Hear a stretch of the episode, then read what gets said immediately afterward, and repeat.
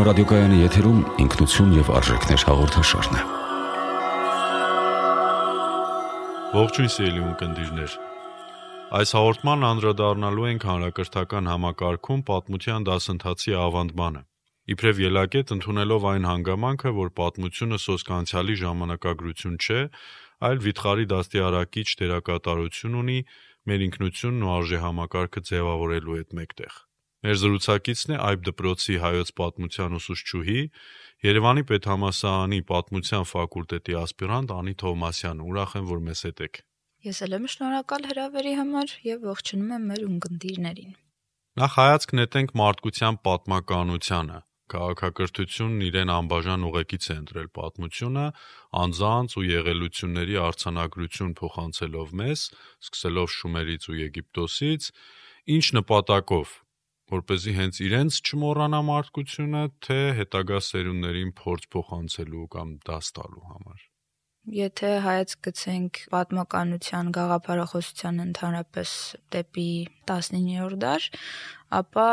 պատմականություն կամ իստորիցիզմ հասկացությունը նոր-նոր սկսում է քննարկել 19-րդ դարի ընթացքում։ Մենք գիտենք մի քանի փիլիսոփա այսպես գծիկ պատմաբաններ, ովքեր առաջ են քաշում պատմության դերը կամ ընդհանրապես հասարակական գիտությունների դերը. Հասարակաշինության, քաղաքակրթական շինարարության մեջ ինձ ավելի հոգեհարազատ են երևի թե Վիլհելմ Դիլթայի գաղափարները Ըստ էության այսօր եւ նաեւ անցյալում տեղեկատվության պահպանումը ունեցել է որոշակի նշանակություն։ Չմոռանալ սեփական անձը, չմոռանալ սեփական քաղաքակրթական պատմությունը եւ ընդհանուր առմամբ միջնադարում եւս անտիկ շրջանում Նաև մարդիկ հասկացել են, որ դա անհատի եւ ընդհանրապես պետականակենտրոնության բաղադրիչներից մեկն է։ Դա ավելի շատ հստակորեն մեր պատմության մեջ կերևա վաղ միջնադարյան եւ զարգացած միջնադարյան շրջանում, բայց ըստ էության այո, եւ չմոռանալու եւ ապագա սերունդներին որոշակի դասեր տալու տեսանկյունից ես ավելի շատ հակված եմ, որ երկրորդի գործառույթը ապագա սերունդներին հիշողություն թողելու եւ դաստիարակելու որոշակի միտումը ավելի գնալով մեծանում է պատմական գիտության։ Թերևս հետխորհրդային հասարակություններում կարծում եմ դեռևս պատմական գիտությունը կամ պատմականության գաղափարը դեռևս այդքան արմատավորված չէ, սակայն դա ընդհանրապես ժամանակի հարց է եւ հնարավոր է դա հաղթահարել։ Ընդհանուր առմամբ կարծում եմ այսօր կրթությունում կամ կրթական հարթակում հասարակական գիտությունների նկատմամբ վերաբերմունքի փոփոխության որոշակի փորձերը պետք է խոսան հենց դրա մասին, որ մենք չենք կարող անտեսել հասարակական գիտությունները, թվում նաև մեր ահռելի հզոր անցյալը, որպեսի կարողանանք առաջ քաշել պետականակենտրոն մտածողությամբ քաղաքացի գանք այսօրվա աշակերտին, այսօրվա աշակերտի համար շատ ավելի հետաքրքիր է, թե իր շրջակայքում ինչ է կատարվում, ոչ միայն որպես անկախ դիտորդ, այլ նաև մասնակից։ Ինչը գուցե խորհրդային շրջանում եւ հետ խորհրդային շրջանի այն սերունդը, որին պատկանում եմ ես, մի քիչ համարցակությամբ չէր մոտենում։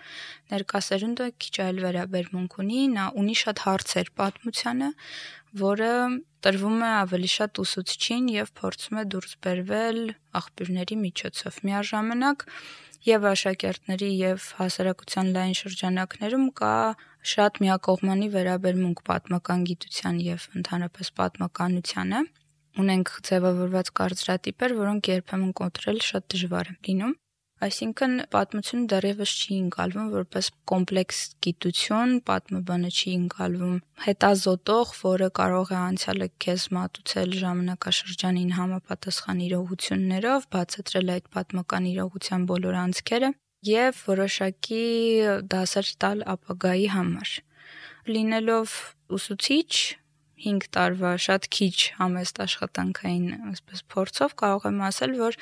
ներկա սերնդի մոտ հարցերը ավելի շատ են թվում է թե նրանց հետաքրքրությունը ընդհանրապես չկա,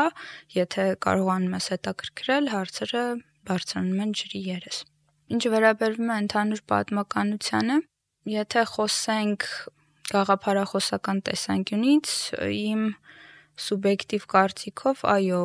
պատմությունը կամ պատմական իրադարձության այսպես պատճառ կամ նրա ընթացքի ձևափոխման պատճառ դառնում են տվյալ ժողովրդի կամ քաղաքակրթության կյանքի բոլոր ոլորտները. սոցիոմշակութային, քաղաքական, նույնիսկ աշխարհագրական դիրքը Թերևս հայոց պատմության պարագայում աշխարհագրական դիրքի բազմակողմանի ազդեցություն մեր պատմության վրա երևի թե հասկանալի է։ Դաշտավայրերից ընդཐུպ մինչև լեռնագագաթներ, որոնք հետաքրքրության կենտրոնում են միշտ պահել այս տարածաշրջանը, եղել են մշակութային տարբեր սինթեզների վայր, հայկական առանձնացնելու եւ հակադրվելու վայր եւ ընդհանուր առմամբ դիլթայի գաղափարները երևի թե ամենահոգեհարազատն են ինձ, ով առաջին անգամ կարողացավ դուրս բերել իստորիցիզմի կամ պատմականության հիմնական գաղափարախոսական ուղղությունները։ Պատմական գիտելիքը վիթխարի կարևորություն ունի նաև մեր ազգային ինքնության ձևավորման գործում։ Մենք այստեղ գործ ունենք ազգային ինքնագիտակցության եւ նույնականացման խնդիրների հետ։ Եթե ես ինքս ինձ չեմ համարում Հայկ Նահապետի, Մոսես Խոյանացու, Եղիշեի հետնորդը կամ տեղյակ չեմ այն վիթխարի պատմական շերտերին, որոնք ընկած են անցյալում, ես նաև չեմ զգա պատկանելիություն հայ ազգին։ Դա նույնն է թե քո ծնողներին չճանաչես, չես կարող քեզ համարել այդ ընտանիքի անդամ։ Համաձայն եմ, մանավանդ որ հայ ինքնության բաղադրատարերը մենք այսպես ոչ հստակ, բայց չափելիություն կարող ենք տալ։ Ակնհայտորեն դա լեզուն է, երկրորդը հայ առաքելական եկեղեցին, որը դարը շարունակ կատարել է հենց այդ պետականակենտրոնության դերակատարությունը, վերցրել է իր վրա այդ ծանր գործը ազգային բնավորություն կոչվածը, որը կարելի հենց խորենացու Հայկ Նահապետով գեղեցիկ բացել, մարդ արարող, մարդ չհարմարվող, այսպես մարտով լքեց, գնաց իր հայրենիքը, բայց նաև չնվաճեց իր հաղթանակից հետո իր թշնամու այսպես տարածքները։ Խորենացին հիանալի օրինակ է եւ ընդհանրապես 5-րդ դարի հայ ոսկեդարյան պատմագրության ի հայտ գալը հիանալի օրինակ է մեր պատմության մեջ, որ կարելի է ապագա սերունդներին թողել այդ մոդելը, ինչպիսին պետք է լինի մեր պետականությունը կամ ընդհանրապես պետք է շեշտը դնել հենց այդպիսի մտածողության վրա։ Չեմ ուզում նաև թերագնահատել մյուս պատմագիրների դերը, ովքեր մասնակցել են քրիստոնեական ինքնության կառուցման գործին, բայց չմոռանանք եւ խորենացու հայոց պատմությունը մինչեւ 19-րդ դարի 70-ական թվականներ եղել է հայոց պատմության դասագիրք պետականության բացակայության պայմաններում, թե Արևելյան Հայաստանում եւ առավել եւս հայկական գաղթօջախներում, որոնք սփռված էին Եվրոպա, մինչև եւ Ասիա այսինքն այն տարածաշրջան, որտեղ որ ներառում էր հայ առևտրական կապիտալը ընդհանուր առմամբ։ Խորենացուց հրաժարվելու, այսպես հետագա դրվագները կապված են երևի ավելի շատ արտաքին քաղաքական, հայկական հարցի նկատմամբ հետաքրքրությունների եւ հայ պատմագիտության առաջին դեմքերի հայտ գալու հետ, ովքեր մի քիչ կասկածի տակ դրեցին։ Եվ մյուս կողմից էլ այսօր մեր հասարակությունը եւս խորենացուն ընկալում է որպես ողբասած հեղինակ, բայց ես դրա հետ այդքան էլ համաձայն չեմ, որովհետև ակնհայտորեն ինքը ողբը օգտագործում է որպես գեղեցիկ ուղերձ, որ պետք չի լինել այսպիսին, եթե մենք չունենանք թակավորություն, եթե մենք չունենանք թակավոր, ահա թե ինչ կլինի մեր վիճակը գանք այն արքային, որը որ հասկացա, որ քաղաքականապես հնարավոր չէ միավորել պետությունը, դա Վրամշապու հարքան էր եւ հասկացա, որ պետք է ավարտին հասցնել Տրթատ 3-րդի գաղափարախոսական առաջին քայլը դեպի հայկական նոր ինքնության ձևավորում, որը կդիմակայեր արտաքին քաղաքական ճշնամիներին։ Դա, ինչպես գիտենք, քրիստոնեության ընդունումներ որպես պետական կրոն։ Բայց դա ավելի ամրապնդելու համար պետք էր մշակութային այնպիսի մի բարեփոխում, որը կմիավորեր հասարակության բոլոր շերտերը, այդ թվում նաև քաղաքական էլիտան, որը կրում էր պետականության գաղափարախոսությունը։ Ընդհանուր առմամբ խորենացին շատ գեղեցիկ ապացուցում է, որ 5-րդ դարում ապրած լինելով կարելի է շարադրել հայոց ամբողջական պատմությունը անտիկ շրջանից, սկսած մինչև իր օրերը եւ տալ այսպիսի մեսիջ որ պետք չի որ մենք լինենք առանց թակավորություն, որովհետև խորենացին ըստ էության ականատես էր եղել 428 թվականի Արշակունյաց գահազրկմանը արտաքին ուժերի պատճառով։ Պետք է հաշվի առնել, որ ուղակի խորենացու այս միտումը տեղ կհասնի 4.5 դար հետո եւ իր առաջին ծիլերը երևի թե կտա 8-րդ դարում, երբ որ կձևավորվի կամբողջանա մասամբ հայկական քրիստոնեական ինքնությունը։ Այսինքն պատմությունը եւ պատմական անցյալի հիշողությունը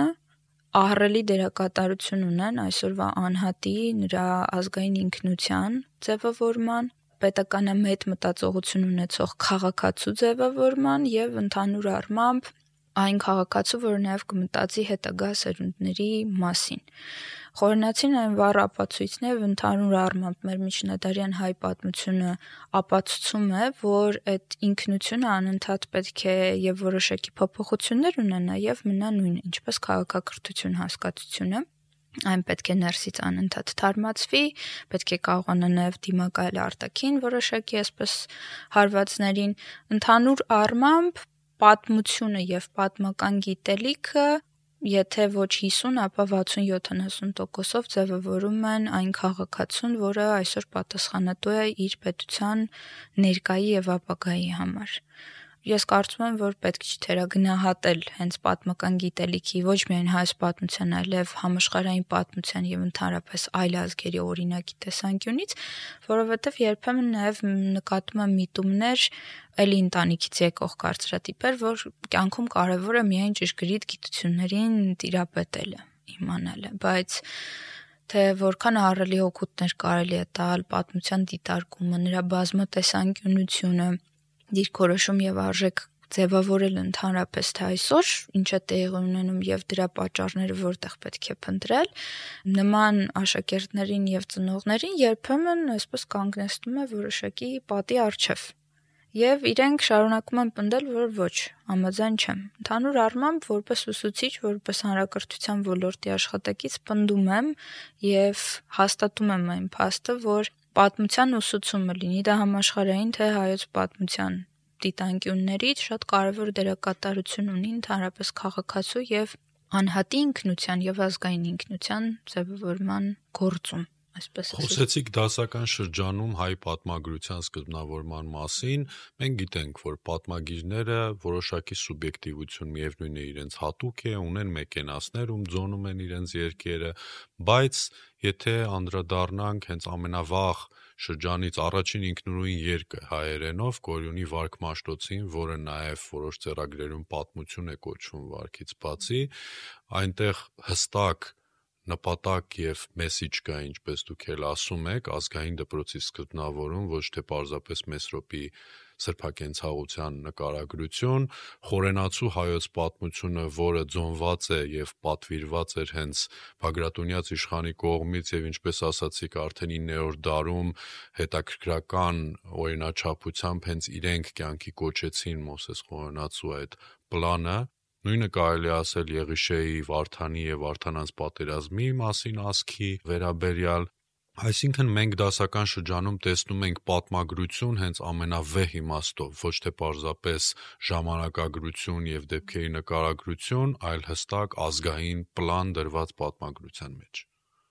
Տեսնում ենք ինչու, որովհետև ովքեր են այդ մեկենասները, պետք է նայել թե ինչ դերակատարություն են իրենք ունեցել ընդհանրապես պետության կառավարման գործում, տվյալ ժամանակաշրջանում բերենք օրինակ հնչեցինք Օրյունի, Խորենացու եւ Եղիշեի անունները, ընդհանուր ոսկեդարյան գրականության եւ պատմագրության ներկայացուցիչների մեկենասները բոլորը այն մարդիկ էին, ովքեր ականատես էին եղել Արշակունյաց թակավորության անկմանը եւ եթե խոսենք միջնադարյան ավատատիրական համակարգի աստիճանակարգությամբ, նրանք թակավորի անմիջական վասալներն էին Այսինքն մարդիկ, ովքեր հնարավորություն ունեին ըստ իրենց ցակման լինել որոշակի կրթված եւ երկրորդ գործառույթը, որ իրենք կարող էին իրականացնել, դա երկրի ռազմապաշտպանական, ասես պոտենցիալի ապահովումներ, այսինքն զինվորական ուժի ապահովումը։ Այ հայոց եկեղեցու ստեղծումով մենք տեսնում ենք հայ մտավորական այսպես խավի ի հայտ գալը, որը ճիշտ է եւս ավատատեր էր, բայց չուներ զինվորական ուժ ըստ էության նույն այս պատմագիրների մեկենասները կամ գրերի գյուտի նախաձեռնողը ոչ միայն Սահակ Պարթևները եւ Մեսրոպ Մաշտոցը դա ուներ, վերևից հովանավորություն, այսինքն պետական հիերարխիայի գլխին կանգնած թակավորը շատ լավ հասկանում էր իր արժև դրված մարտահրավերները եւ պետք էր հենց գրառված գրավոր պատմության ձևով այն տեսլականը, որը նա տեսնում էր, թե ինչպես պետք է լուծվեն պետության արժև կամ հայկական քաղաքակրթության արժև ծառացած մարտահրավերներ, չէ՞ որ քաղաքակրթությունների տեսությունում մենք ունենք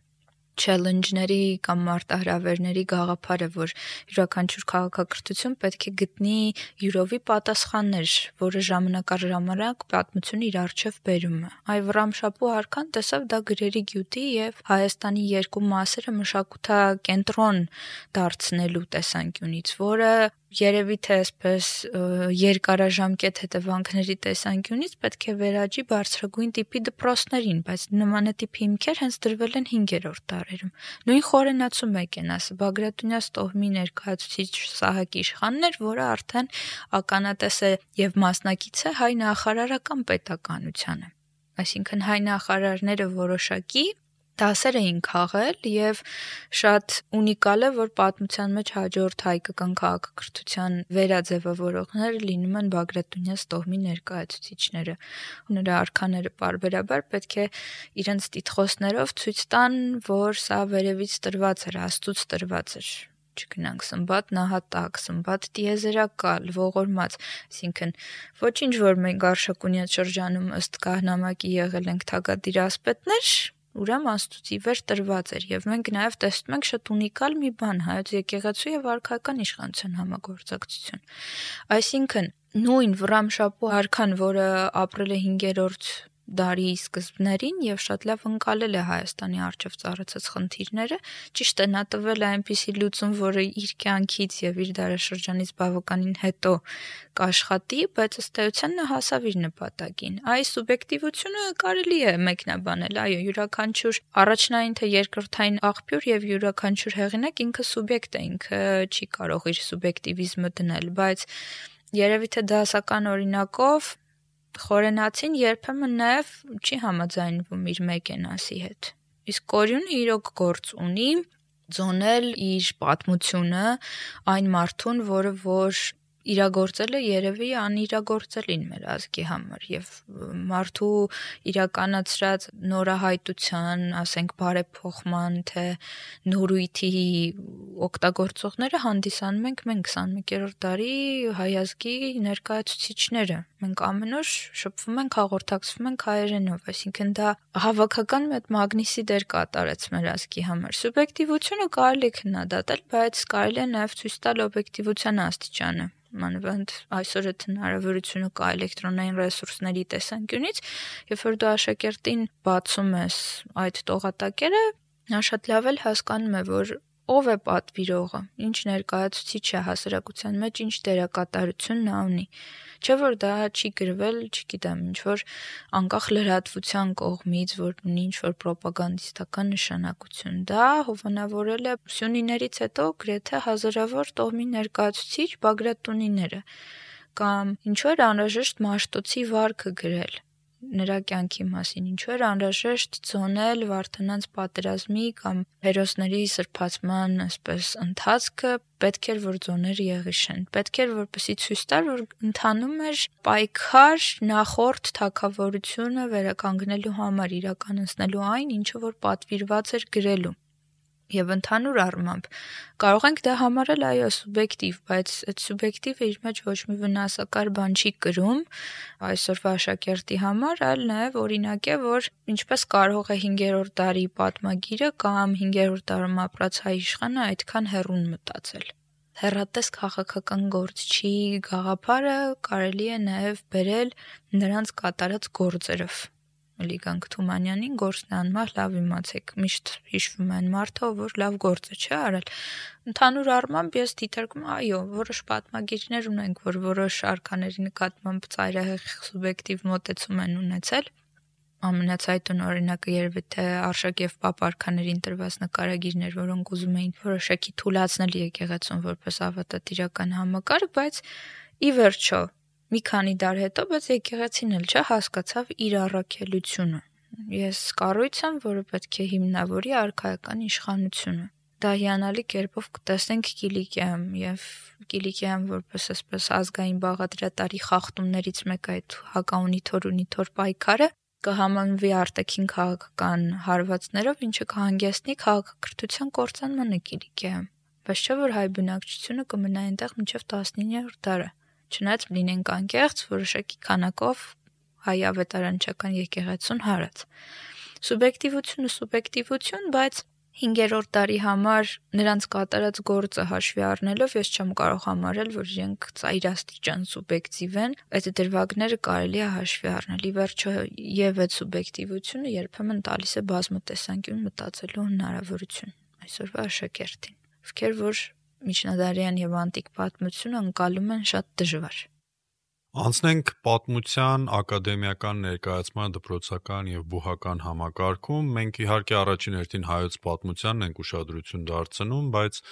նաեւ շատ հետաքրքիր է, թե մենք ինչպիսին ենք տեսնում մեզ համաշխարհային պատմության կոնտեքստում, նույնիսկ այդպիսի դասագիր կար տարիներ առաջ հայոց պատմությունը համաշխարհային պատմության համատեքստում եւ պատմության ավանդման պետական քաղաքականությունն էլ վերջին ժամանակներում զարմացնում է, մենք լուրջ փոփոխություններ ենք առաջարկում կատարել այդ դասավանդման ծրագրում։ Տպավորություն է կարծես մենք ինքներս հաշտ չենք մեր պատմության հետ եւ ջանում ենք խմբագրել այն։ Նմանատիպ միտում այո համաձայն եմ կա, բայց մասամբ դա կարող եմ կապել նաև մեր այսպես բնավորության ծայրահեղ գծերի հետ, որովհետև կան այդպիսի դրվագներ նաև միակողմանի մտածողության ոչ միայն խորհրդային շրջանում, այլև նույն առաջին հանրապետության տարիներին, երբ հասարակ օրինակ չհաստատվեց Միացյալ Նահանգների կողմից մանդատային համակարգը, որը պետք է ստանձներ Հայաստանի հովանավորությունը Միացյալ Նահանգների կողմից, որպես այսպես, չասենք գաղութային համակարգի երկիր, բայց դա բավականին օգտակար կլիներ։ Այսինքն ամերիկյան սենատը ճանաչեց հունվար ամսին 20 թվականի Հայաստանի Հանրապետության անկախությունը ճանաչեց որպես միջազգային իրավունքի մաս, բայց մի քանի ամիս անց մենք տեսնում ենք, որ ամերիկյան արտաքին քաղաքականությունը ընդհանրապես հավատարիմ մնալով դեռևս Մոնրոյի դոկտրինին մերժեց մանդատային համակարգյան առաջարկը, որը իրականացրել էր իրենց նախագահ Վուդրո Վիլսոնը։ Ինչ ենք մենք նկատում մեր պատմաբանների եւ ընդհանրապես այդ շրջանի հասարակության մոտ մենք նկատում ենք որոշակի ինչ որ նեղացած լինելու գաղափար դուք չեկաք ու մեզ չօգնեցիք այնինչ մենք կարող ենք բերել տվյալներ անհատույց օգնության հատկապես համաճարեկի եւ սովետարիներին անհատույց. Եվրոպային տրամադրվում էր դա որոշակի վարկավորմամբ, իսկ Հայաստանի Հանրապետություն ուղարկվում էր անհատույց. Իզուր չէ որ առաջին վարչապետ Քաջազնունին մեկնեց Միացյալ Նահանգներ հենց 19 թվականի սկզբից հենց այդ նպաստամատույց գործունեությունը իրականացնելու համար։ Մենք պետք է կարողանանք վերանայել դա, որովհետև երբեմն մեր պատմաբանները եւ նաեւ մեր ուսուցիչները Այդ թվում նաև ես չեմ ուզում ուսուցիչ ասելով զատել ինձ այդ ուսուցչական մեծ հանրույթից, մենք պետք է կարողանանք հասկանալ շահ հասկացողությունը կա ազգային շահ, կա արտաքին քաղաքական շահ, կա դաշնակիցներ, որոնք երբեմն նայում էր պատմության որոշակի դրվագներում, թվում է թե պետք է օգնեին մեզ անկախանալ եւ ձևավորել անկախություն, բայց դա նաև ինչ որտեղ ջրաղացի ջուր է լցնում այսօրվա մեր ճշնամիներին, որ ձեր պետականությունը ձեզ նվիրված է։ Իսկ ինչու է նվիրված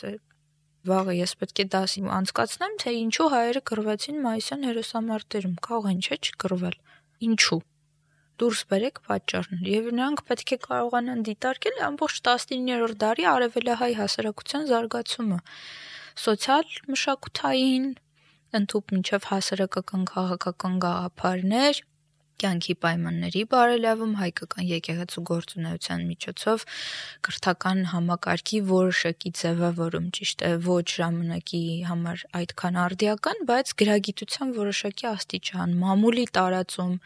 Ինչու ոչ եկեղեցու գույքի բռնագրավման փորձեր եւ առաջին հակասությունները դրան արևելահայ հասարակության առաջին հակադրումը ռուսական կայսրությանը։ Մի ժողովուրդ, որը մինչև 1880-ականներ ունեցել է այսպես խելոք ժողովրդի ինչ որ կարգավիճակ հիմա զենք է վերցնում, ցույցի է գնում, պայքարում է 1905 թվական ազգմիչյան բախումներ մեր այսօրվա հարևանների հետ, որոնք 20-րդ դարի սկզբին կոչվում էին Կովկասյան թուրքեր։ Չէ՞ որ այդ արճակատումը եւս ձևավորում է menki եւ նրանքի գաղափարը, զենքի են սովորում մարդիկ։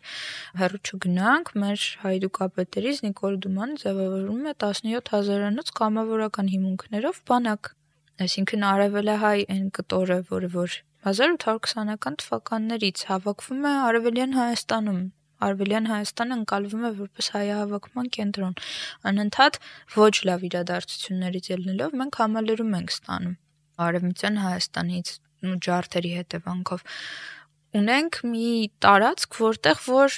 པարզ է թե ինչու պետք է ձևավորվեր պետականություն։ Ընդհանուր առմամբ համաշխարհային պատմության մեջ դիտարկելը այսօր երևի թե մեզ մոտ դեռևս լավ չի ստացվում, անհաշտության գաղափար կա, երևի թե վերջին իրադարձությունների հետ կապված, բայց ելի հետ գնանք այսպես պատմականության գաղափարին, որ պատմությունը դա որոշակի օրինաչափություններով առաջ շարժվող ժամանակագրական այսպիսի ընթացք է, որի վայրուվերումները կախված են այսպես հասարակության զարգացման տարբեր ասպեկտներից։ Մեզ մոտ այո դժվար է ստացվում։ Ես ունեմ շատ հիանալի փորձ կոնկրետ այդ դպրոցում եւ կարծում եմ նոր կրթական չափորոշիչը հայոց պատմության որքան էլ լինի որակով որոշակի կասկածելի, մի քիչ հնարավորություն կտա հայկական քաղաքակրթության պատմությունը նախ դնել հին աշխարհի քաղաքակրթությունների հետ նույն հավասարության վրա, այնուհետև միջնադարյան, մանավանդ հայկական միջնադարը շատ ավելի տեղեր ունի դրվելու միջնադարյան քաղաքակրթության կողմին թեկուզ եվրոպական Եվ ընդհանուր առմամբ պետք է դիտարկենք, որ նոր եւ նորագույն շրջանի հայոց պատմությունը դա որոշակի, այսպես համակարգում է նաեւ այն ժամանակվա քաղաքագիտական մտքի եւ արտաքին քաղաքական որոշակի իրադարձությունների հետ, այսինքն այն ինչ տեղի ունեցել մեզ հետ հայոց պատմության ընթացքում գոնե հայկական հարցի միջազգայնացումից ի վեր վկայում է, որ հայկական հարցը դա մաս էր միջազգային արտաքին քաղաքականության, միջազգային հարաբերությունների եւ այո, դա որոշակի չափով օգտագործվում էր սեփական շահերը առաջ տանելու կամ պաշտպանելու համար։ Նեղացած տոնով գրել, որ դուք չօգնեցիք մեզ եւ այլն, պետք է մեզ մի հատ ուրիշ դաս տա, որ երբեմն պետք է ապավինել սեփական ուժերին, ոնց որ եղավ Սարդարապատում, Բաշապարանում, դրանք են հերոսների նոր խումբն էին, ովքեր որ հասկացան, որ պետականության ստեղծման համար պետք է սեփական գործունեությունը ծավալել։ Եվ ըստ էության այն դասերը, որոնք տրվել էին Գրտիչ Խրիմյանին Բերլինի կոնգրեսից հետո։ Ճիշտ է, մի քիչ ծայրահեղ ձևով դուք բավականաչափ արյուն թափել եք Չեռնոգորցու եւ Հունգարի պես, որպեսի ներկայանաք ինչ որ մի բան խնդրելու։ Ցավոք մեր պետականության գինը մի քիչ ավելի ծանր եղավ մեր պատմության համար, դա հայոց ցեղասպանությունն էր որպես այսպես ամփոփում ասեմ, այո, այսօր հայոց պատմության ներկայացումը մեր շատ դպրոցներում շատ միակողմանի հայկական տեսանկյունից, բայց պետք է նաև դիտարկել համաշխարհային պատմության հետ զուգահեռ, որովհետև դա շատ հարցերի տալիս է շատ adekvat բացատրություններ։ Հիշատակեցիք հանրակրթության պետական չափորոշիչը եւ թե ինչ է դրվում պատմության դասագրքերում, թե ինչ է մատուցվում աշակերտներին, հենց նաև ցեղասպանության օրինակով Եթե օրինակ ելնելով քաղաքական նրբանակատությունից ցեղասպանության թեման հանվի դասընթացից։ Նոր սերնդի համար այդ հարցն իրոք արժեք չի ներկայացնի, գուցե ականջի ծայրով նորից լսեն դրա մասին, բայց հոգեբանորեն այն, որ դպրոցում իրենց չեն ասել դրա կարևորության մասին, արդեն կնշանակի, որ պետք էլ չէ մտածել դրա շուրջ։ Վերջ-վերջո ինչ պատմության, որ կրթում ենք երիտասարդ սերնդին, այդպիսի սերունդ էլ ստանում ենք։ Շատ հետաքրքիր է, որ հայոց ցեղասպանության վերաբերյալ թեմայի մոտեցումները պետք է տանել հակառակը, էլի իմ անձնական սուբյեկտիվ կարծիքը, որը նախորդ շաբաթ եմ փորձարկել։ Կարող եմ նույնիսկ ասել մեթոդական ինչ գործիք օգտագործված, որպես իրենք գան աշակերտներ այն գաղափարին, որ իրենք ոչ թե ցեղասպանված են, այլ վերապրած։ Չնայած ամեն ինչին, մենք վերապրեցինք ինչ էր տրվել։ Հանձնարարվել էր տնային աշխատանք, շատ փոքր իրենցից, երևի թե ավելի շատ ընտանեկան շփում ենթադրող ծնողներից հարցնել, թե որտեղ ենք մենք ցակում որոշակի ժամանակային շերտով, որքան հնարավոր է գնալ հետ, ասենք 1828-29 թվականներ միգրացիայի ամենախոշոր ժամանակաշրջանները դեպի ռուսական կայսրություն։ Շատերը հետ դարձ կապում տնային աշխատանքի իրականացումից եւ փոքրիկ հետազոտության ներկայացումից հետո եկան այն մտքին, որ շատերը չգիտեին իրենք որտեղից էին, բացահայտել էին, որ գրեթե դասարանում 70-ից 80% ունի արևմտահայ արմատներ կամ հայրենադարձված սփյուռքահայի արմատներ եւ շատ քչերն են, որ բնիկ արևելահայեր են։ Այսինքն երևի թե բացառություն միայն ես էի որ չունեի։ Աշակերտների մեծ մասը ունեին։ Եվ իրենց համար դա այնքան մեծ անակնկալ էր։ Վերջում ես այդպիսի հարցել էի դրել. մենք վերապրող ենք թե զոհ։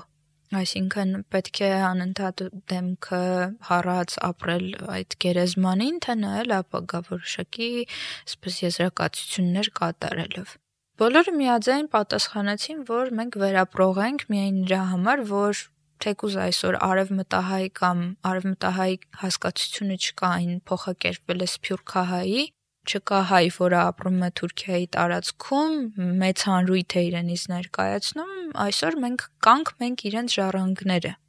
Նմանատիպ գաղափարներ հնչեցին։ Նույնը Արցախից ցակումով այսպես աշակերտների համար, ովքեր որ շեշտում էին, որ տարածաշրջանից են, որ հերոսներն են ժամանակի իրենց հայրենակիցները համարվում։ Ընդհանուր առմամբ ես կարծում եմ, որ մատուցման մոտեցումները կարելի է փոխել Ամեն ինչ կախված է ուսուցչից եւ ուսուցչի մեթոդաբանությունից։ Կարելի է մտնել դասարան, ներկայացնել ուղակի ժամանակագրական տախտակ, կարելի է այդ ժամանակագրական տախտակի հետ որոշակի իմպրովիզանել ներկայացնել պատմության այսպես թեկուս Կոնդրատևյան ալիքների տեսանկյունից 100 տարին մեկ ճգնաժամեր են տեղի ունենում կամ ինչուների տեսանկյունից այսօրվա ՀՊՉ-ում կարծես թե որոշակի անդրադարձ կա կոնցեպտներով դասավանդմանը պատմական մտածողության 6 կոնցեպտների ձևավորմանը՝ պատճառ հետևանք, անհատ, փոփոխություն եւ շարունակականություն, ընդհանուր առմամբ դա իմ եւ իմ գործընկերների կողմից շատ հիանալի կերպով կիրառելի է, երբ որ աշակերտի համար վերանում է մի կարծրատիպ, որ պատմությունը դա թվերն եւ անուններ հետաքրքիր հետազոտություն կա անցած տարի ատեստավորման շրջանակներում իրականացրեցի նոր ավագ դպրոց ընդունված աշակերտների շրջանում հարցում է իրականացնում. Ինչ է պատմությունը պատասխանների մեծ մասը հենց այդպեսին էր։ Նու կար որոշակի պաթոս, որ պատմությունը դա առարկա է, որը մեզ պետք է սովորացնի անցյալի սխալները ու չկրկնել դա ապագայում։ Նմանատիպ աղքատիկ ձևակերպումներ կային, բայց մեծամասամբ երկրորդ հարցին թե ինչու չեք սիրում կամ ինչու եք սիրում պատմությունը, շատ քչերն էին գրել իր հարատևության, իր փոփոխության եւ միաժամանակ նույնը մնալու համար։ Բոլորը գրել էին չեմ սիրում այդքան թիվ ու անուն հիշել երբ որ դու ցույց ես տալի, որ դա վեր բան է, թիվ եւ անուն հիշելուց, խնդրում եմ բացատրի ինձ ինչու է տեղի ունեցել օրինակ Բագրատ Մինաս թակավորության վերականգնումը կամ ինչու է տեղի ունեցել հայոց ցեղասպանությունը, ոչ միայն այն տեսանկյունից ինչու Օսմանյան կայսրությունը դա իրականացրեց ինչ մենք իրականացրեցինք մեր շարժման մեջ ոչ ճիշտ կամ ինչու այն գնաց ավելի ծայրահեղ կողմը ինչու չհամապատասխանեցին Օսմանյան կայսրության արտաքին քաղաքական նպատակները եւ մեր շահերը այսպես ասած Ինչու չիրականացավ հայկական հարցի լուծումը չնայած երկու անգամ քննարկվեց 78-ին 1912-ին։ Եթե ուսուցիչը որոշակի կարողանա փոփոխել իր մոտեցումները, մենք ունենք նաև այսպես համաշխարհային պատմության հիանալի օրինակ, չէ՞, այսօր Գերմանիայի Դաշնային Հանրապետությունը ինչպես է ներկայացնում իր անցյալը եւ վերապրողի եւ այսպես որոշակի ամոթի տեսանկյունից եւ մարտով գիտակցում է իր արածները ամբողջ Բերլին քաղաքը եւ ընդհանրապես իրենց այդ հիշողության արմատավորումը հասարակության մեջ մեծ դերակատարություն ունի։ Ես կարծում եմ, որ ցեղասպանության թեմայի դուրս հանումը դա լուծում չէ, այլ պետք է դրա դասավանդման որոշակի մոտեցումներ գտնել ոչ միայն ցեղասպանությունը, այլ հետ գնանք ցեղասպանության մյուս երկու փուլերին՝ Համիդյան ջարդեր, ինչու հայկական միջավայրում ի հայտ եկան քաղկուսակցություններ, չէ՞ որ այստեղ էլ ի հայտ եկավ եւ իրականացվեց ինչ որտեղ մադրասի խմբակի առաքելությունը, որը ստանձնել էր նոր տետրակ, որ կոչի հորդորակը հիշեցնել հայ երիտասարդությանը, որտեղից են իրենք գալիս Այդ չէ որ Հովսեփ Էմինը, որը իր օրագրում շեշտում է, որ Արևմտյան Հայաստանում եղած ժամանակ երբեմն այցելել է տներ, որտեղ մարդիկ տեղյակ չէին, որ կար Աշոտ Թագավոր, կար Մովսես Խորենացի, դա արևմտահայ հասարակ գյուղացիներով կորցրել էր իր հիշողությունը։ Մտքից գալիս է Մարկեսի 100 տարվա մենության դրվագները, երբ որ իրերի վրա գրվում էին։ Սեղան, աթոռ, նմանատիպ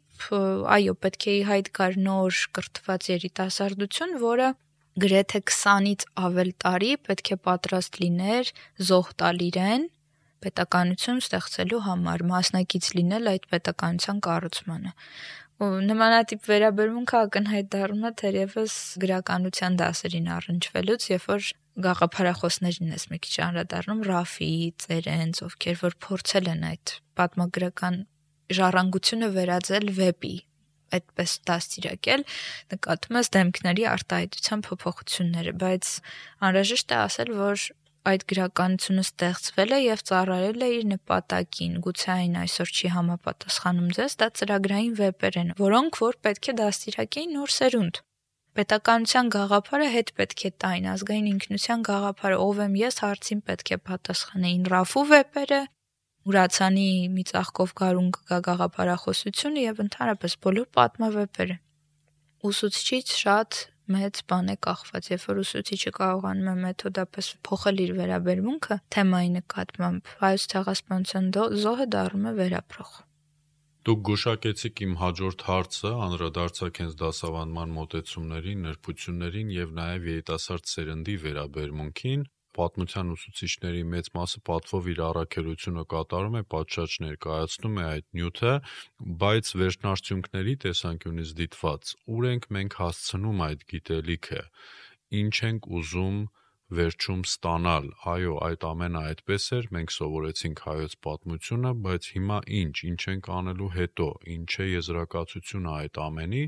եւ սա մեր երիտասարդ սերնդին իրոք հետաքրքրում է մանավանդ որ իրենք հետաքրքրված են նորագույն շրջանի պատմությամբ եւ նաեւ վերջերս որոշ դասախոսության շրջանակներում շատերն արտահայտեցին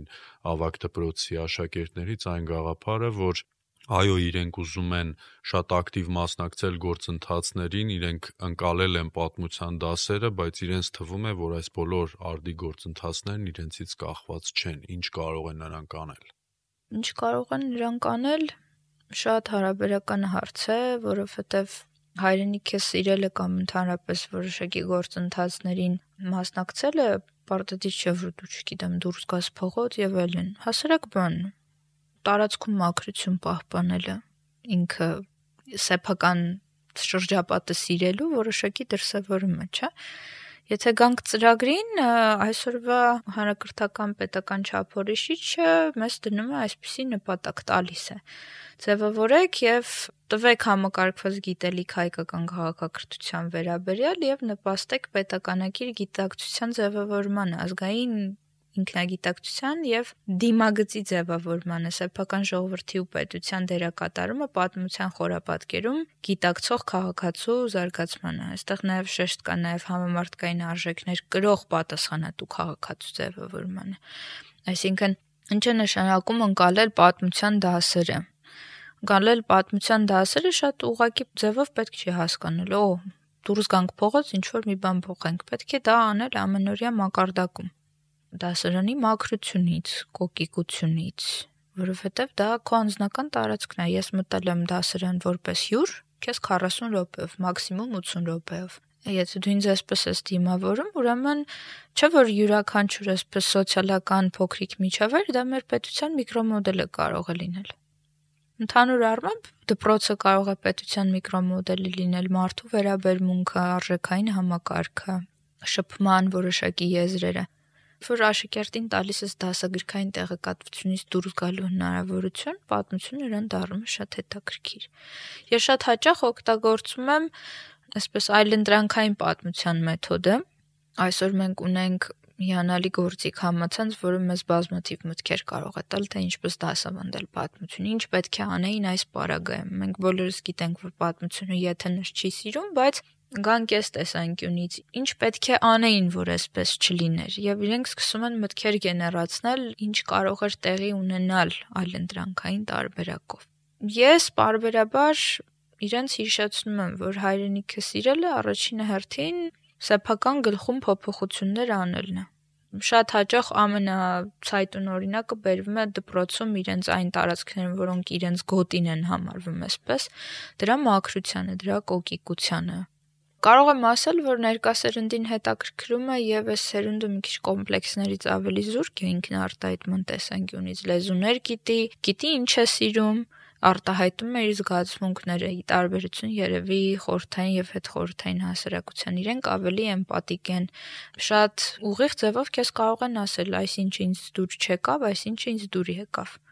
Դրանք հասնում են տեղ, երբ որ դու ցույց ես տալիս ինչպես պիտի հասնեն տեղ որովհետև շատ հեշտ է մտնելու այսպես բանավեճի մեջ, հասկացել ես, լավ, հասկացել ես հայոց պետականության անկման պատճառները։ Բա լավ, հետո ինչ պետք է անել։ Այ երբ որ դու սկսում ես մի հատ այդ հարցը տալ, որը ուղղված է ոչ թե անցյալին, այլ ուղղված է ներկային ու ապագային, իրենց մոտ սկսում է այդ մտածողության process-ը։ Այսինքն յուրաքանչյուր աշակերտ, յուրաքանչյուր մարդ պետք է ինքը իրեն հարց տա. ինչքանով եմ ես պատմությունից դասեր քաղել։ Ինչ է մեզ ասում մեր պատմությունը։ Օրինակները կարելի է շատ տեղայնացնել կենցաղի վրա եւ բարբերաբար իրենք էլ հասկանում են, որ պատմական փաստերը սովորել այդքան էլ չէ։ Առաջին հերթին եղիր գրագետ քաղաքացի, պահանջատեր, պատասխանատու, որովհետև պահանջատեր լինելը շատ ավելի հեշտ է։ Ազատությունը ունի մի հատ գեղեցիկ հոմանիշ, դա պատասխանատվությունը։ Երբ որ այդ պատասխանատվությունը իրենց բարբերաբար հիշեցնում ես, իրենց դա սկսում է բնականաբար դուր չգալ կամ նաև այն աշակերտներին, ովքեր պատմության վերաբերյալ ունեն որոշակի սկեպտիկ վերաբերմունք, առարկան կարող են շարունակել չսիրել, իրենց համար թված անձրալի համեմատած ֆիզիկայի այդպիսի աշակերտներ էլ կան, Այդ երբ որ ասում ես փորձիր ֆիզիկայի եւ պատմության մեջ որոշակի առնչություններ եւ զուգահեռ գծեր գտնել, իրանք զարմացած դեմքով նայում են վրա դու քո չեք գժվել ֆիզիկան ու պատմությունն ու Բայց զգում ես, որ 3 տարիների ընթացքում կոնկրետ ես առնչվում եմ 10, 11, 12-րդ դասարանում ու այդ տարիքային խմբի հետ որոշակի հասունացում դիտարկվում է։ Ամեն դեպքում ես դիտարկում եմ նաև աշակերտներ, ովքեր սկսում են պատասխանատու լինել դպրոցի տարածքի, իրենց պահվածքի, իրենց շրջապատի նկատմամբ, այսինքն ձևավորում են որոշակի պատասխանատվություն։ Գուցե շատ լավատես եմ, չգիտեմ, բայց կոնկրետ ես մարդ եմ ով դուրս եկել հանրակրթական դպրոցից, ով ունեցել է ուսուցիչ, որը որոշակի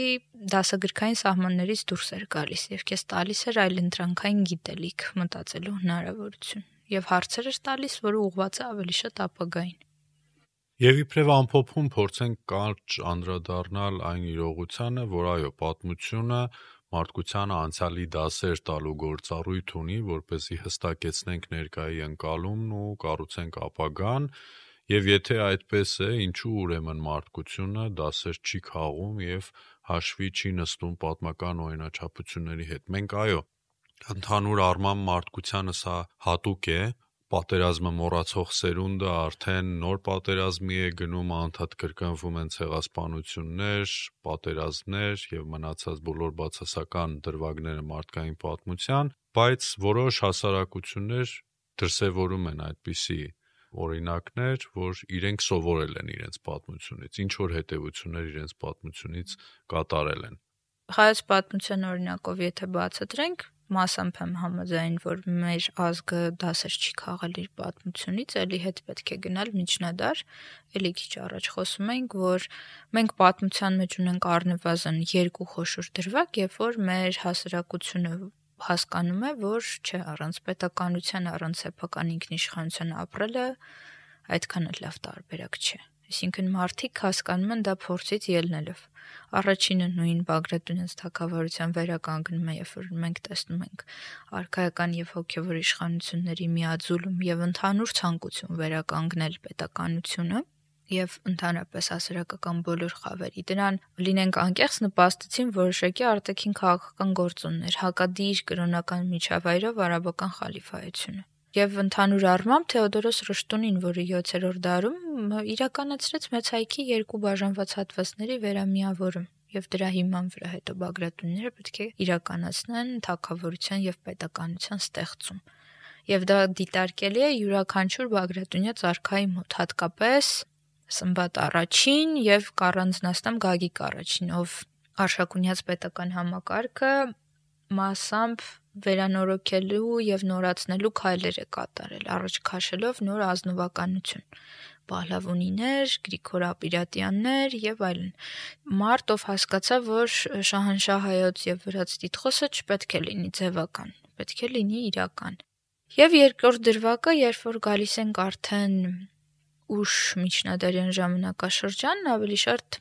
17-18-րդ դարեր, երբ ունենք Հայաստանում փլուզված պետականություն, բաղադրատարերի ոչնչացում, չկա էլիտա, կան որոշակի մելիքական տներ, որոնք գործում են իրարից առանձին եւ իրար հետ կապ չունեն։ Կա հոգեվոր դասակարգ, որը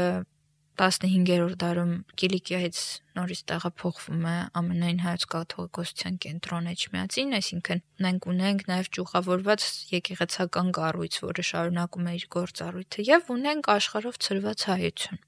արտագաղթի պատճառով արտագաղթի մեջ էլ կարելի է որոշակի դրական բաներ տեսնել, չէր ձևավորվի հայկական գաղթօջախները, այսպես ասած, ամբողջ Եվրոպայում, Հնդկաստանում եւ Իրանում ի հայտ չէր գա հայ առևտրական կապիտալը, հայկական գրատպությունը, մշակութային արդիականացումը եւ շարքային առևտրականը չէր հասկանա, որ ինչու մենք չունենք պետականություն ինչու պետք է անգլիական կայսրությունը գա եւ ինձ խանգարի օրինակ Հնդկաստանում ծավալել տնտեսական գործունեություն եւ հենց այդ առևտրականները եւ գաղթօջախների հայությունն է որ դեռևս բազմաթիվ վկայություններով պահել էր հիշողությունը անցյալի նկատմամբ։ Գիտեք, մենք ինչ թակավորներ ենք ունեցել։ Ընդհանուր առմամբ Շահամիրյանը եւ իր մադրասի խմբակի գործունեությունը ուղղված էր հենց դրան՝ պետականության վերականգնմանը։ Ի հայտ է գալիս նոր մտավորականություն, որը ունի որոշակի տնտեսական ներուժ։ Չբերենք Շահամիրյանների օրինակը, բերենք Մոսկվայի Լազարյանների օրինակը ովքեր որ քայլեր են կատարում այդ ուղությամբ, այդ գաղափարը հասունացել էր, սկզբում հասունացել էր հոգևորականների մոտ, Միքայել Սեբաստացի, Ստեփանոս Ալմաստեցի կաթողիկոսների քայլերը հիշենք, որոնք խնդրագրեր էին երբեմն, բայց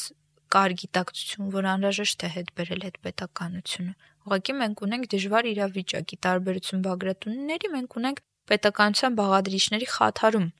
ոչնչացում։ Բագրատունիների նախարարական համակարգի հիման վրա կարողացան ձևավորել պետականություն։ Հիանալի երկու օրինակ, որ մեր ազգը դասեր քաղել է պատմությունից, բայց ինչպես տեսնում ենք, դասեր քաղում են երբ, երբ որ դառը փորձ են ունեն։ Այսինքն, այստեղ գալիս է հասարակական զարգացման այն օրինաչափությունները, որոնք ձևավորում են պատմությունը երևի թե մեր հետ ինչ որ այսպիսի վատ բան պետք է տեղի ունենար, որպեսի մենք գիտակցեինք, ոչ ամեն ինչ, այսպես ասած, բացասականն է, որ պետք է ընկալել բացասական։ Հոգեբաններն էլ են չէ պնդում, որ մի խուսափեք սխալվելուց, դրանք կարող են լավագույն արդյունքների բերել։ Ընդհանուր առմամբ մենք ունենք նաև սերունդ, որը ի վերջո մի կատարածը ծիրի երազանք ձևավորեց հայկական պետականություն ճիշտ է ոչ այն վայրում որտեղ որ ուզում էր բայց ձևավորեց դասեր չքաղելը ինձ թվում է դա ժամանակավոր բնույթ է, պետք է գա ինչ որ մի հատ իրադարձություն, ինչ որ մի հատ դեպք, որին դու պետք է մասնակից լինես եւ վերանայես ինքդ քեզ, քո գաղափարները եւ վերաբերմունքը քո պատմության նկատմամբ։ Նույն խորենացին, որը տեսլական էր տվել պետականության կառուցման եւ ինչ է պետք մեր ազգի համար մեզ պետք է որ մենք չպետք է ողբը կարդանք որ ողբամ քեզ հայ հայազգ որ քո ուսուցիչը դարձել է չգիտեմ անբան ու քո ուսուցիչը պիտի չլինի այսպիսին։ Մարդը տալիս ես բանաձև, ինչպիսին պիտի չլինի ուսուցիչը, աշակերտը, դատավորը, իշխանավորը, զինվորը, կարելի է վերցնել սիրունը 5-րդ դարի տեքստը դնել այսօր գործածության մեջ, բայց որոշակիորեն պետք է նաև թույլ տալ սխալներ պատմությունը վերագիտակցելու, վերապրելու եւ ապագայի նկատմամբ որոշակի դասեր քաղելու համար բայց ես համոզված եմ, որ մեր ազգը հիանալի դրվագներ ունի, երբ որ պատմությունից դասեր է քաղել բայց նաև չմոռանանք հարցի հակառակ կողմը, որ չեմ ուզում շեշտել դա, մենք այո, պետականություն չենք ունեցել, դա մեր ազգային ինքնագիտակցության վրա որոշակի իր ազդեցությունը թողել է։ Չնայած որ եկեղեցին որոշակի քայլեր արել է դա չեսոքացնելու ուղղությամբ։ Ունենք նաև, ասենք, սերունդ, վերջին օրինակը բերեմ, 1919 թվականի Երևանի պետական համալսարանի բացումը, որը միտված է շարունակել միջնադարյան հայկական բարձրագույն դպրոցների օրինակը, ձևավորել սեփական ազգային կրթություն թվում է, թե քաոսային վատ արտաքին քաղաքական արկախ հայկական հարցի պայմաններում մարդիկ բացում են համալսարան։ Այսինքն կարելի է պատմության նախորդ շրջաններից վերցնել տարեր, մանավանդ որ գիտես, որ դրանք հստակ աշխատել են։ Չէ՞ որ Զաքարյանները եւ ընդհանրապես Բագրատունիները նորից շեշտը դրեցին ազգային դպրոց, մեր ազգին բնորոշ, ես համարում եմ հայ ազգի բնորոշ բաղադրատարերից մեկը ինքնության կրթություն ստանալն է, որը ուրիշ ազգերի մոտ երևի թե քիչ եմ հանդիպել, ինչքան որ շփվել եմ։ Շնորհակալ եմ զրույցի համար։ Մենք ամենայն դեպս կարողացանք հիշեցնել պատմության դասերի շուրջ խորհելու անհրաժեշտության մասին, դասեր քաղելը արդեն կախված է մեզանից յուրաքանչյուրից։ Մենք հրաժեշտ ենք տալիս ձեզ սիրելի ունկնդիրներ, մնացեք բարյավ։